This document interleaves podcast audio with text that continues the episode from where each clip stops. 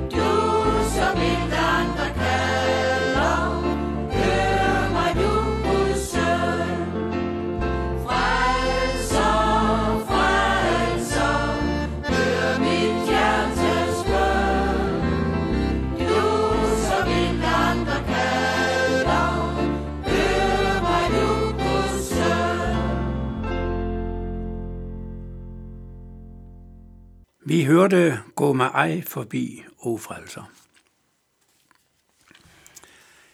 I går var vi, sluttede vi med, med to vers fra Lukas 20, vers 45 til 47, hvor der jo stod, Mens hele folket hørte det, sagde han til disciplene, Tag jeg i agt for de skriftkloge, som gerne vil gå omkring i lange geventer, og ynder at lade sig hilse på torvet og at sidde øverst i synagogen og til højbords ved måltider.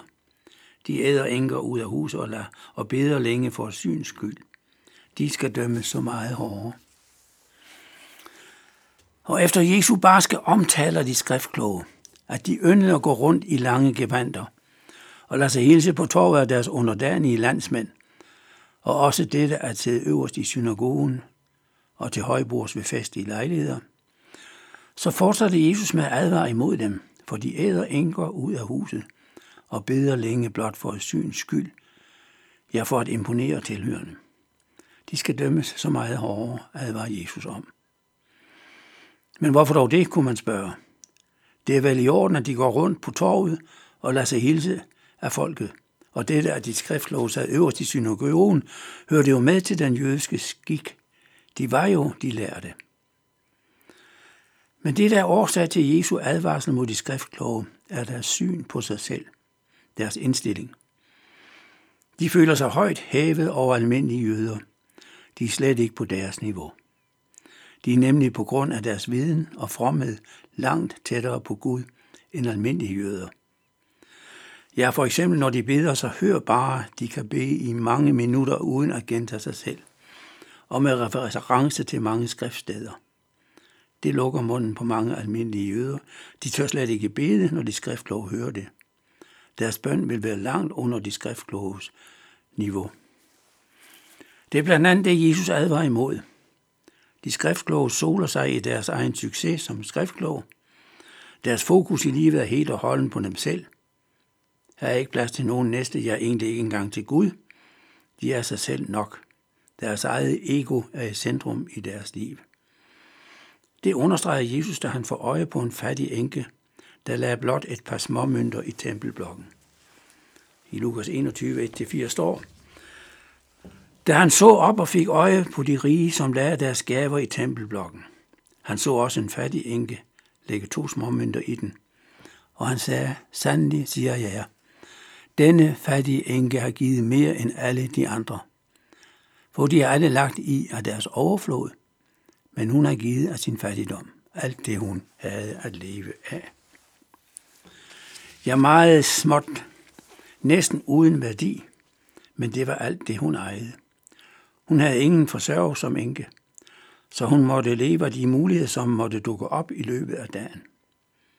Jesus påpegede hendes situation over for disciplen, der vel havde en tendens til at betragte de skriftkloge med ære og respekt, men en sådan fattig enke ansede de ikke. Men det er hende, I skal være opmærksom på, sagde Jesus til sine disciple.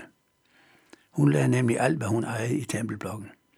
Det var hendes bidrag til Gud, der viste hendes Guds forhold. Hun overlod sig fuldt og helt til Gud. Hun var fri fra, tel, fra trældom under mammon, men levede i fuld tillid til sin himmelske far. Han vil sørge for hende. Det havde han gjort hidtil.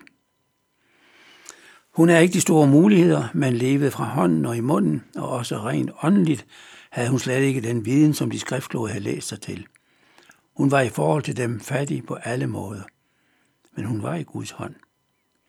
Centrum i hendes liv var Gud. Til forskel fra de skriftkloges, der jo i deres liv havde alt, hvad de behøvede og mere til. Ja, ikke mindst menneskers beundring af dem. Og det var, hvad de behøvede. Det var for dem livet. Centrum i deres liv var dem selv. Ja, Gud var der ikke rigtig plads til eller behov for. Deres liv var jo perfekt, og Gud, og Gud fik jo der også lidt af deres overflod. Og så var freden med ham vel i hus. Nej, antyder Jesus, det er den ikke. Gud ønsker at være centrum i alle menneskers liv, og der er der kun plads til én, og det indebærer, at du må træde tilbage og give ham den plads, som Gud, din skaber, vil have. Vi fortsætter der i morgen. Og nu skal vi så høre. Kender du den livsens kilde?